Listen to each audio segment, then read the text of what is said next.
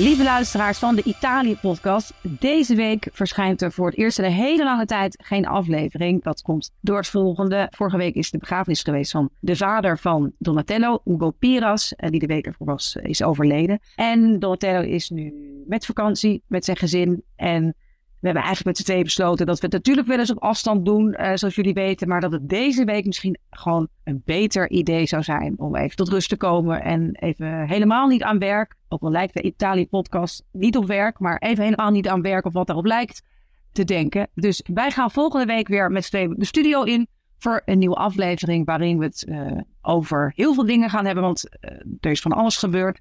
Er is een nieuwe ster, een nieuwe oppositieleider, een jonge vrouw, Ellie Schlein in Italië. Er is een tragisch ongeval geweest met migranten vlak voor de kust van Italië. Uh, hoe wordt er vanuit Europa naar gekeken? Wat gebeurt daarmee? Genoeg te bespreken, uiteraard. Maar dus een paar dagen geduld nog. En deze week geen Italië-podcast. Mochten mensen iets uh, toch in de tussentijd willen horen, of opnieuw willen horen als ze het nog, nog niet hebben gehoord, dan beveel ik hierbij van harte de podcast aan.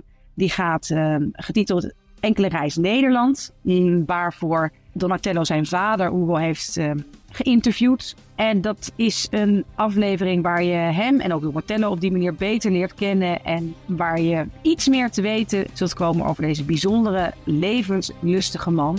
De aflevering Enkele Reis naar Nederland. Dus terug te vinden in alle podcast-apps. En wij zijn er volgende week weer.